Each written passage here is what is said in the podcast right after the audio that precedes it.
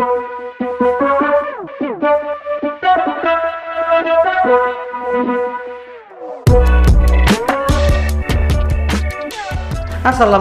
warahmatullahi wabarakatuh. Selamat datang lagi di Isyaf Podcast.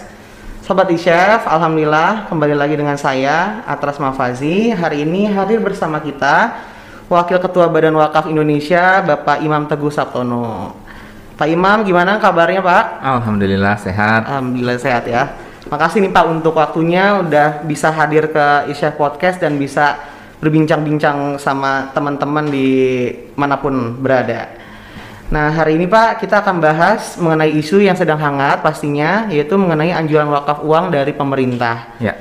Karena kan mungkin uh, apa dari teman-teman anak-anak muda ini belum terlalu familiar dengan uh, wakaf gitu Ya, kan. ya. Yang lebih familiar mungkin di apa anak-anak muda ini lebih kayak ke sedekah, zakat ataupun mungkin uh, infak gitu kan, Ya. Pak. Sedangkan uh, juga banyak dari uh, masyarakat muslim Indonesia ini mengaitkan wakaf itu hanya terkait dengan tanah gitu. Mungkin uh, Pak Imam hari ini kita bisa apa ya sharing dan menjelaskan lebih uh, detail lagi supaya kita ini lebih paham gitu, Pak. Baik, siap, siap. Siap. Oke. Sekarang uh, mungkin Pak untuk uh, pertanyaan pertama saya gitu, uh, mungkin bisa jelaskan Pak Imam tentang uh, Badan Wakaf Indonesia itu uh, seperti apa dan cakupan itu seperti apa sih Pak gitu. Oke. Mm-mm. Baik, jadi wakaf di Indonesia ini pada dasarnya sudah diatur dalam Undang-Undang Nomor 41 tahun 2004. Hmm.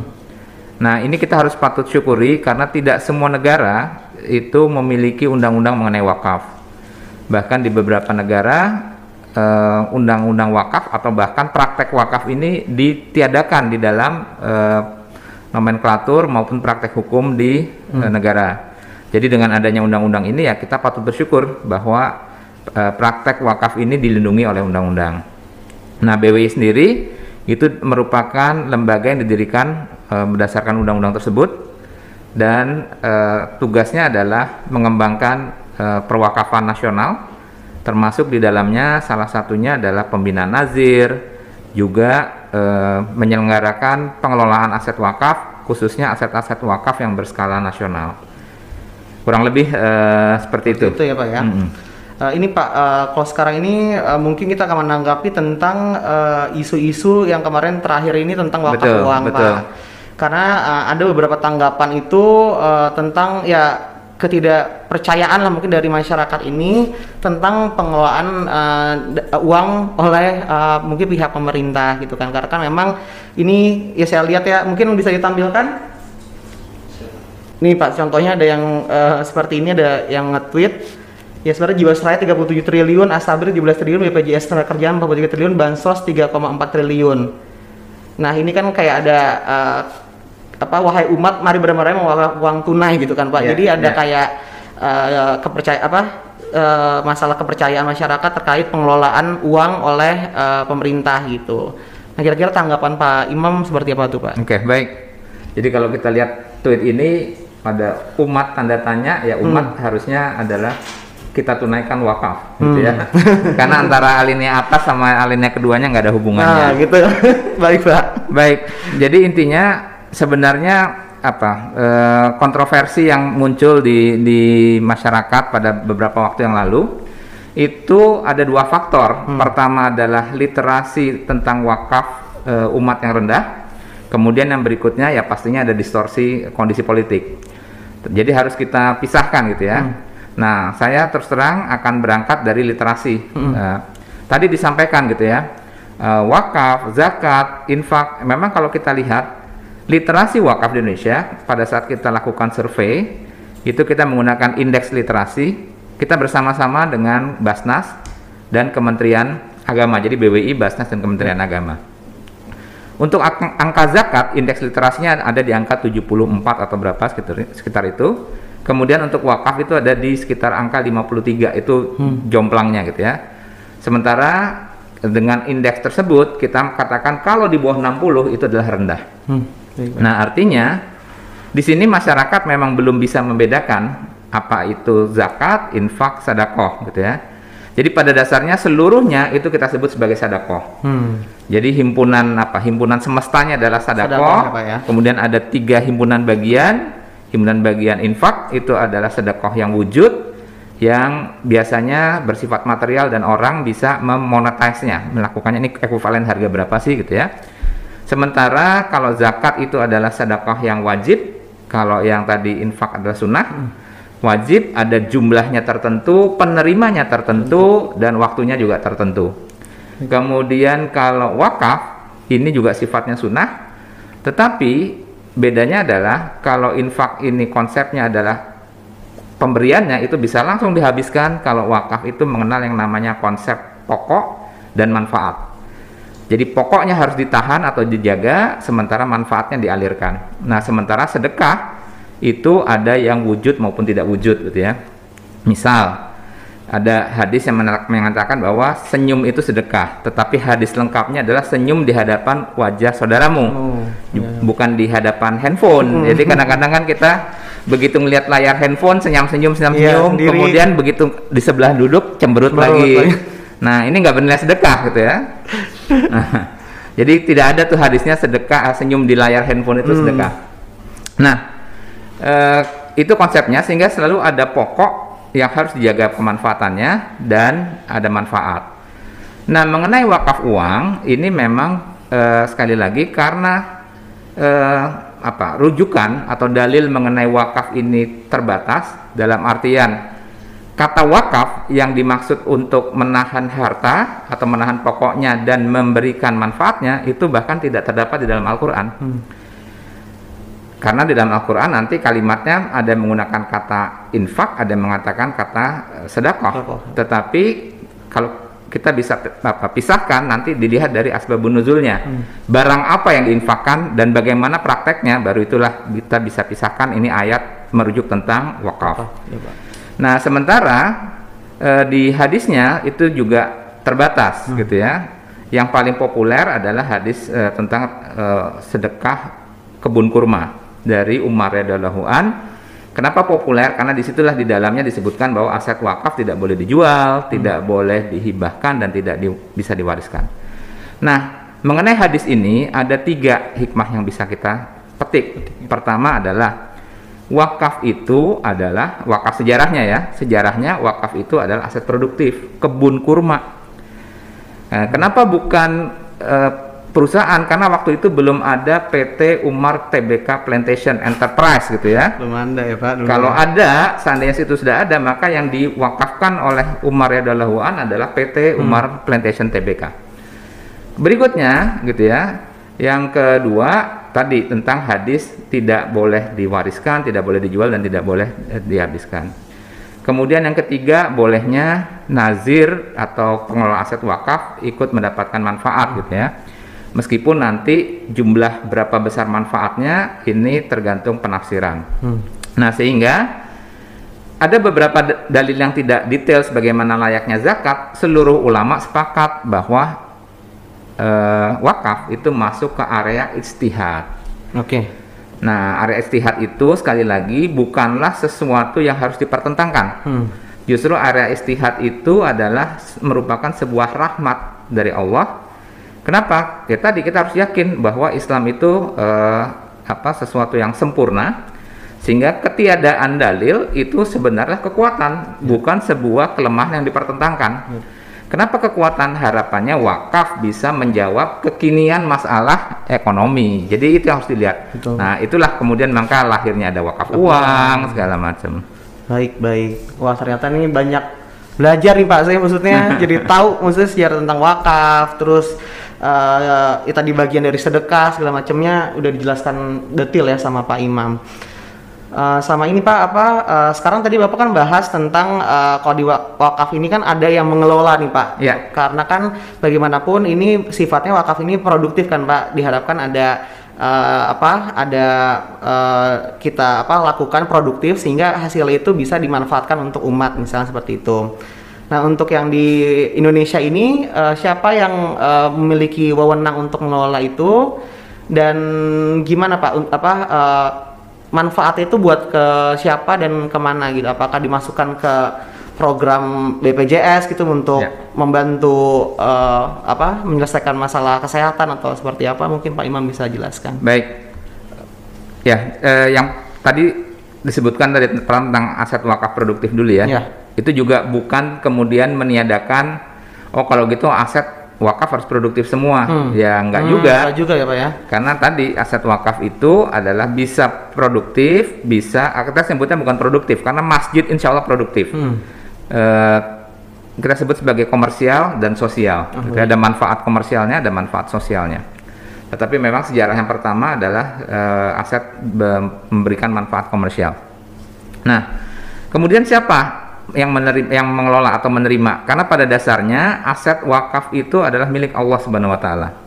Jadi diserahkan kepada Allah dan untuk merepresentasikan pengelolaannya ada sebuah lembaga yang namanya nazir. Hmm. Ya meskipun nazir ini bisa perorangan, bisa lembaga, baik. tergantung dari eh, apa aturan positif yang ada di masing-masing negara. Hmm. Nah untuk Indonesia bisa lembaga, bisa perorangan, tetapi untuk aset wakaf uang itu harus lembaga dalam hal ini ma- bahkan harus berbadan hukum. Nah jadi kalau ditanya siapa yang mengelola aset, ya tidak lain adalah nazir, Hmm. ya. Kemudian dalam konteks dia wakaf uang berarti aset eh, wakafnya adalah uangnya, sehingga nilai tunai ke- dari kemanfaatan uang itu harus dijaga. Hmm. Maka uang itu harus dijaga oleh nazir untuk bisa menghasilkan eh, manfaat. Ya. Nah, oleh nazir ini ada pilihan ya. Pilihannya adalah kalau nazirnya memiliki kemampuan untuk berbisnis silahkan berbisnis. Kalau tidak memiliki kemampuan untuk berbisnis, ini harus hati-hati karena tadi harus dijaga nilai tunainya. Maka dia punya pilihan untuk masuk atau diinvestasikan ke beberapa alternatif investasi Baik. Bisa ke bank syariah, bisa untuk investasi di saham syariah, bisa ke eh, surat berharga, misalkan sukuk. Nah, salah satu sukuk yang bisa di- di- dijadikan alat untuk alternatif investasi, investasi oleh Nazir adalah sukuk negara Negara. yang diterbitkan oleh pemerintah. Waktu itu memang didesain untuk menampung eh, wakaf ini, tetapi ini adalah sebuah opsi bukan kewajiban. Ya. Nah, sehingga uang itu bisa diinvestasikan di sukuk, kemudian dalam tempo tertentu pastinya nanti akan kembali lagi kepada nazir dan keuntungannya itu eh, dipakai oleh nazir untuk diberikan kepada makuf alaih penerima manfaat. Nah, sekali lagi kalau gitu siapa yang ngelola nazir? Tetap nazir gitu ya. Dan tidak akan pernah masuk ke kas negara karena dia akan kembali. Dan berikutnya buat nazir pun mereka merasa diuntungkan. Kenapa? Karena kalau dalam konteks bisnis, ya dia harus ngitung kepandaiannya dia, ya harus ngitung eh, kapasitasnya dia. Karena kalau ini masih ada resiko kerugian. Ya. Nah, sementara sukuk negara itu resikonya relatif kecil bahkan tidak ada dengan imbal hasil yang masih kompetitif dibandingkan yang lain. Jadi sekali lagi itu hanya alternatif saja dan tetap menjadi aset yang dikelola oleh nazir. Baik, baik. Tadi eh, misalnya ini Pak, tadi Bapak mention tentang ya Nazir pun juga harus menilai tentang kecakapannya dia bisa Betul, mengelola betul, apa tidak betul. gitu kan Pak.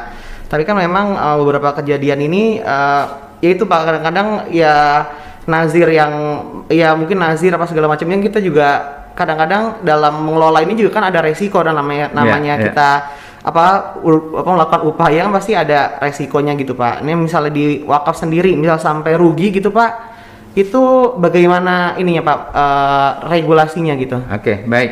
Mm. Nah, ini yang kemudian menjadi menarik gitu ya.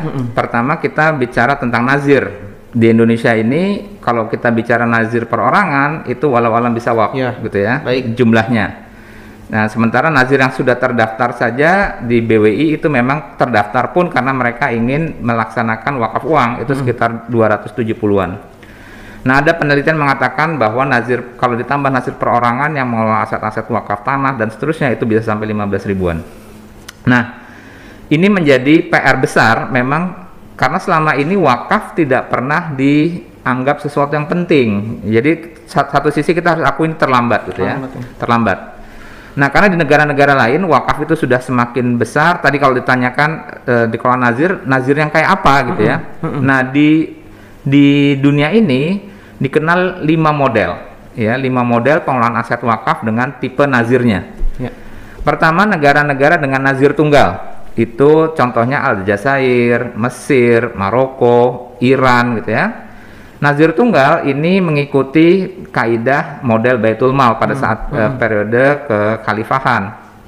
Nah, ini jadi orang kalau ingin berwakaf di negara-negara tersebut, maka dia berwakaf ke nazir tunggal tadi yang juga di bawah pengawasan negara. Negara. Nah, adapun kayak misalkan eh, PKPU-nya, dompet duafanya, atau isyaf misalkan suatu saat pengen jadi nazir gitu ya, ini menjadi mitranya. Jadi semua asetnya terinventarisir di nazir tunggal, baru pelaksanaannya diberikan kepada mitra-mitra nazir, gitu ya. Dan biasanya dengan model seperti ini, cara menandainya adalah adanya muncul menteri wakaf di dalam kabinetnya. Ada ya Pak kalau di sana ya Oh, Menteri ada, Wakaf. ada ada menteri wakaf di dalam kabinetnya. Nah ini menunjukkan bagaimana negara meletakkan eh, wakaf itu sebagai sesuatu Yang serius sektor ya, yang Pak. penting. Yang penting. Kemudian yang kedua adalah model nazir ada di tiap provinsi atau ada di tiap negara bagian. Itu adanya di Saudi, Malaysia gitu. Malaysia kan ada sembilan kesultanan, maka di Malaysia ada sembilan nazir. Masing-masing melekat di sultannya. Ada nazir ke Johor, nazir Sarawak, Kelantan dan seterusnya. Dan berikutnya nazir ini juga nanti akan ketemu mitra-mitra nazir. Yang berikutnya model di Kuwait. Model di Kuwait itu satu nazir tapi isinya merupakan network Hmm, atau kumpulan. Jadi di sini dompet duafa, ACT, Di satu badan DT, gitu ya, ya? ya itu sama-sama berhimpun menjadi satu badan nazir. Nah itu adanya di Kuwait. Kemudian di Indonesia, Indonesia ini sama dengan Afrika Selatan dan beberapa negara lain itu dibebaskan sifatnya grassroots Ya.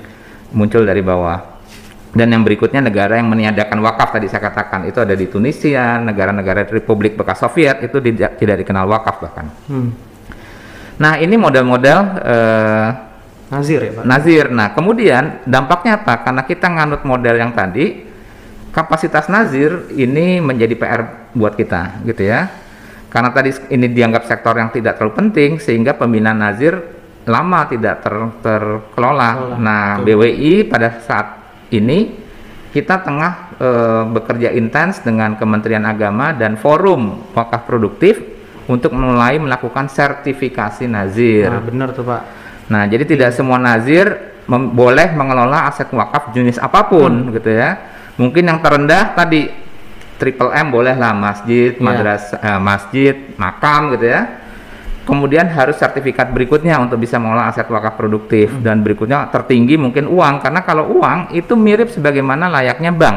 Benar benar benar Pak. Jadi kalau ditanya misalkan model ideal dari sebuah nazir wakaf uang apa? Ya teman-teman ngelihat saja bank, khususnya bank syariah. Persis seperti itu, cuman bedanya pada saat dia sudah menyalurkan uangnya, kemudian ada imbal hasilnya. Kalau dia bank, maka imbal hasilnya jatuh kepada pemilik dana. Dana. Ya, ya. Tetapi kalau dia lembaga keuangan wakaf uang, imbal hasilnya jatuh kepada makuf alaih. Oh iya. Sementara dia di lapangan persis kayak bankers. Hmm. Nah, sehingga nazir itu kalau nazir wakaf uang idealnya adalah identik sesuai dengan kapasitas bankers. Bukan orang yang sudah sepuh tanpa menghormat ya, Iya. sepuh, nggak ada kegiatan, sering di masjid, terus diserahin tugas sebagai nazir. Jadi dia harus profesional juga ya Pak ya dalam ya manajemennya, dalam segala macamnya. ya. Idealnya kebangkitan Islam itu nanti ditandai dengan nazir sebagai profesi idaman anak muda yang cerdas gitu ya, smart itu pengennya jadi nazir. Tuh teman-teman yang mau jadi Gitu. nazir nih, udah dapat info pembuka, tinggal teman-teman mungkin eh, berminat nanti ke depannya mau jadi nazir. Oke Pak, ini makin eh, menarik gitu ya apa obrolannya. Saya juga tadi eh, dijelaskan tentang berbagai negara dalam pengelolaan juga macam-macam gitu kan Mbak. Ini kira-kira kalau eh, kita sebagai anak muda nih Pak, kira-kira apa program misalnya dari BBI atau misalnya ISYAF ini yang bisa kita kita eh, bantu ba- apa kita kerja bersama-sama supaya wakaf ini ke depannya makin makin apa ya makin viral makin dipahami oleh anak-anak muda dan diminati uh, ke depannya gitu pak Ya. kira-kira apa program-program yang pas gitu Eh, banyak sekali, Hmm. banyak sekali karena justru karena wakaf ini semak- termasuk sektor yang belum tergarap dengan baik sehingga room untuk improvementnya banyak. ya Teman-teman anak-anak muda, misalkan kita bisa sama-sama eh, aktif di dalam literasi, ya, literasi wakaf. Yang kedua aktif sebagai pelaku, ya dalam hal ini nazir wakaf. Dan yang semua orang pasti bisa adalah sebagai wakif, Hmm. gitu ya.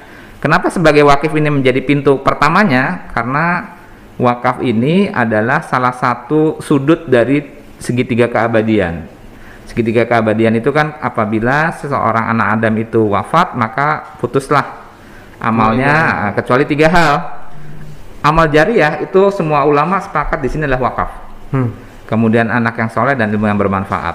Nah, jadi wakaf itu menjadi tidak penting apabila orang itu yakin bahwa pahalanya cukup untuk menutupi dosanya sampai dia mati nanti. Tapi kalau tidak yakin bahwa pahalanya itu cukup untuk menutupi dosanya, maka salah satu yang harus dikejar adalah wakaf selain anak yang soleh dan ilmu yang bermanfaat. Ya, ya, Gitu. biasa ya. Semoga ini juga jadi ilmu manfaat ya Pak ya. Insya Allah. Sampai, sampai kita nanti kapan pun ini kan ada di Betul, apa, betul. YouTube semoga belajarnya Ya, bisa jadi, jadi kapan pun ini. literasi belajar. pelakunya dan berikutnya adalah inovator. Siap. Inovator wakaf ini penting karena sekali lagi tadi wakaf itu ini yang sering di dikotomi, di, di- dibuat stigma, disempitkan tadi. Hmm. Eh, wakaf itu hanya masjid, madrasah, Tanah, ah, ah, macam tanah. itu. Padahal dasarnya wakaf itu sangat luas sebagaimana teman-teman membayangkan sebuah bisnis. Maka saya katakan wakaf itu adalah bisnis. Hmm.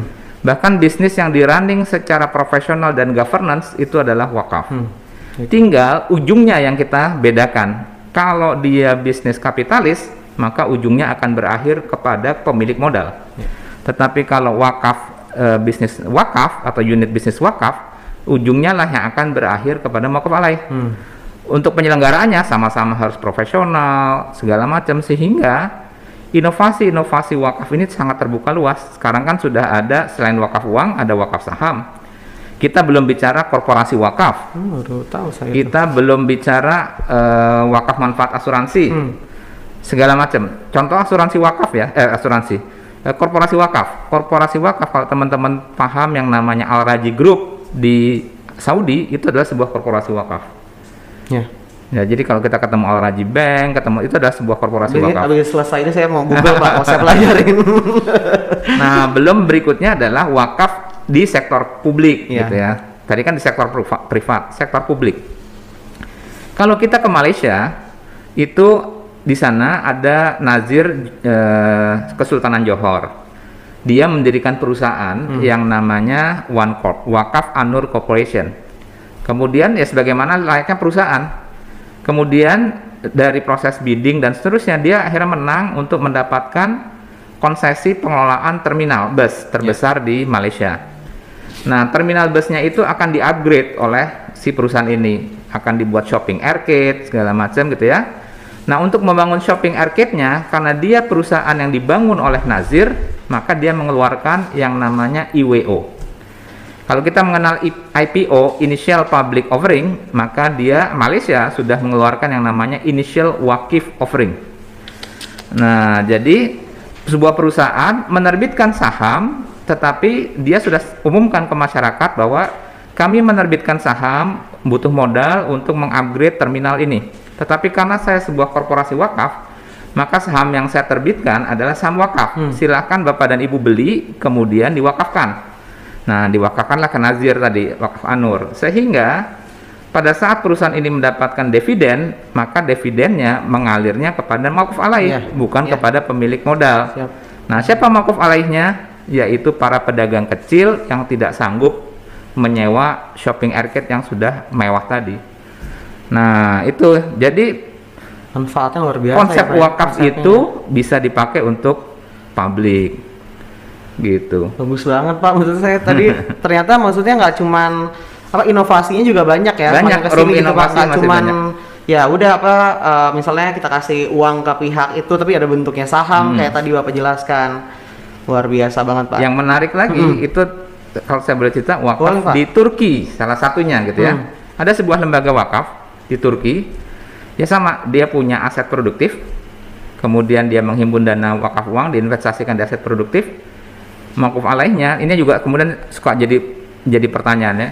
Ini kalau kita wakaf manfaatnya boleh nggak ke non muslim gitu ya? Oh iya benar ya itu yang yang nah sekali lagi Islam ini rahmatan lil alamin Hmm. artinya wakaf itu yang dilihat adalah maslahatnya Ya. ya diberikan untuk maslahatnya kita mungkin terkagum-kagum melihat ada sebuah lembaga yang didirikan oleh PBB misalkan World Wide Fund WWF itu awal-awal 60-an itu didirikan untuk menghimpun dana untuk diberikan menjaga eh, kelestarian alam Hmm.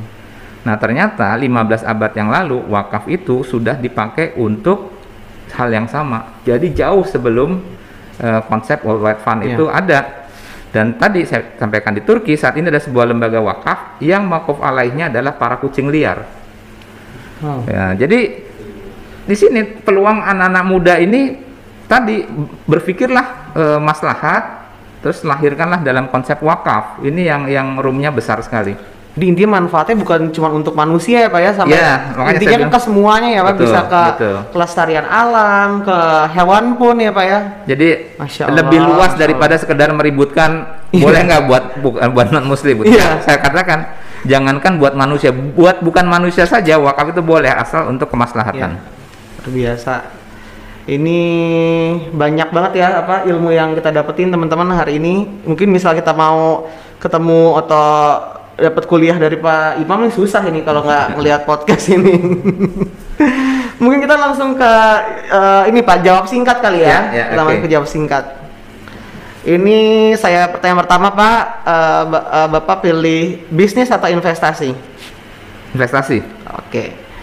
Ke masjid atau berjamaah dengan keluarga? ke masjid, Masjid. Oke. Bank syariah apa bank konvensional? syariah pasti, Oke. Nabung emas apa investasi saham? emas Tinggal di kota apa desa? di kota. Di kota Pak. ya. Luar biasa itu jawaban-jawaban singkat dari Pak Imam. Eh, mungkin ya terima kasih banyak Pak untuk eh, waktunya hari ini. Mungkin tadi kalau misal saya pengen diskusi lebih banyak lagi tapi takutnya ini waktunya bisa eh, berjam-jam nih Iya. kalau misalnya kita bahas lebih banyak lagi. Tapi Insya Allah lain- mungkin di lain waktu kita kesempatan ya Pak ya iya, kita siap, bisa siap. eh, apa ketemu lagi bisa belajar lebih banyak lagi. Eh, mungkin teman-teman eh, kita sudahi dulu eh, podcast hari ini semoga bermanfaat dan bisa mendapatkan ilmu manfaat dari diskusi kita hari ini. Oke, saya Atras eh, izin undur diri. Assalamualaikum warahmatullahi wabarakatuh. Waalaikumsalam warahmatullahi wabarakatuh. Isya Satu masjid, satu komunitas, satu usaha.